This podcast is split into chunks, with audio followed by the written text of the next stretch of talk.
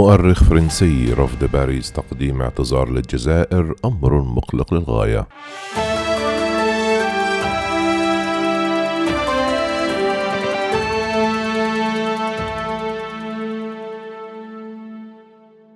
اعتبر الباحث في التاريخ جيل منسيرون أن ردة فعل فرنسا الرسمية التي تفرض إبداء أي ندم وتقديم أي اعتذار للجزائر عقب تسليم تقرير المؤرخ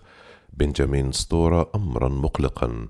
وتعقيبا على تغريدة رئاسة الجمهورية الفرنسية مباشرة بعد تسليم تقرير ستورا التي تمت الإشارة من خلالها إلى لفتات رمزية دون إبداء ندم أو تقديم الاعتذار وصف منسيرون ردة الفعل هذه بالمقلقة. قال المؤرخ المختص في الاستعمار الفرنسي في حديث خاص به لوكالة الأنباء الجزائرية أن هذه التغريدة لا تفسح المجال إلا لتناول جزئي للتقرير مع تصريحات تعطي ضمانات للمحنيين للاستعمار مؤكدا أن الأمر يتطلب متابعة عن كثب لأن الأهم ليس التقرير بل ما سيستخلصه الرئيس الفرنسي إيمانويل ماكرون. وذكر في نفس السياق أن شعار رفض إبداء الندم سبق استعماله في فرنسا لا سيما من قبل نيكولا ساركوزي ومن كانوا يدعمون رئاسته كوسيلة لرفض الاعتراف بجرائم الاستعمار وقول الحقيقة حولها. وبعد الإشارة إلى أن جميع المؤرخين تقريبا في فرنسا والجزائر يطالبون بالاعتراف وكشف الحقيقة أوضح الباحث أن هؤلاء يستبعدون تعبير الندم الذي يعتبر سلاحا في أيادي المناهضين للاعتراف وقول الحقيقة. وفيما يتعلق بالتعذيب الذي تمت ممارسته خلال الحقبة الاستعمارية ضد الجزائريين ذكر المؤرخ بأن إيمانويل ماكرون أدلى بتصريح هام في سبتمبر من عام 2018 عندما قام بزيارة إلى أرملة موريس أودان الذي تم تعذيبه وقتله من طرف جنود فرنسيين حين طلبوا منها العفو باسم فرنسا. وأضاف أنه أكد آنذاك أن ممارسة التعذيب المتبوع بالقتل العمدي كانت آلية إبان تلك الفترة لكنه توقف هنا معتبرا أنه كان عليه تقديم نفس الاعتذار باسم فرنسا إلى مليكة بومنجل أرملة علي بومنجل التي توفيت للأسف منذ فترة قصيرة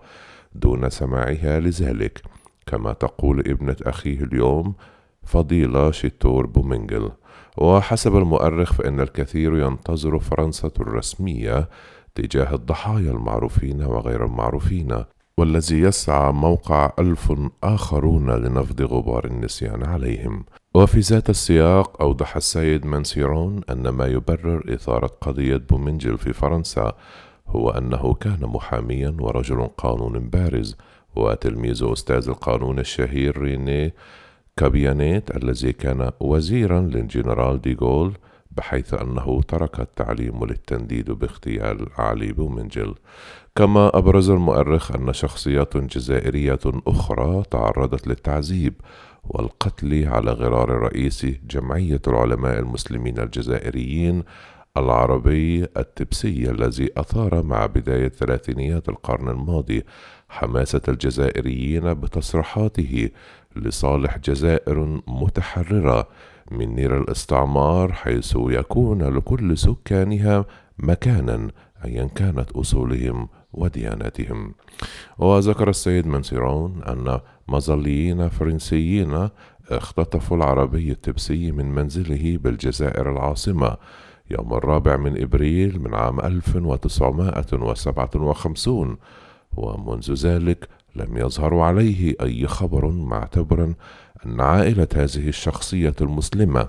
يجب أن يقدم لها هي أيضا اعتذار من فرنسا. وبشأن مسألة رفع سر الدفاع عن الأرشيف أشار السيد منسيرون إلى وجود قوى داخل الجيش الفرنسي وراء الانسداد في هذه القضية موضحا أن العديد من المؤرخين والمختصين في الأرشيف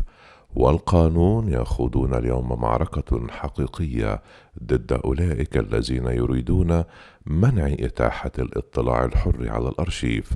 المنصوص عليها في القانون بحجة عملية معقدة لرفع السرية على الأرشيف وثيقة بوثيقة من قبل بعض الهيئات التي أصدرتها أي الجيش في أغلب الأحيان. وقال في هذا الصدد لا زالت إلى يومنا هذا قوى في الجيش الفرنسي تعارض الاعتراف وكشف الحقيقة حول هذه الصفحة من ماضينا ومن هنا يأتي الانسداد.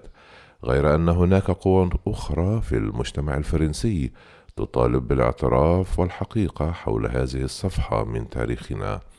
يضيف الباحث معربا عن أمله في انتصار هذه القوه عاجلا أم اجلا وخلص إلى أن المطالبة بالاعتراف وبالحقيقة حول الكفاح من أجل الاستقلال الوطني التي تتعالى حاليا في المجتمع الجزائري تندرج في نفس سياق النضال الذي يخوضه جزء من المجتمع الفرنسي.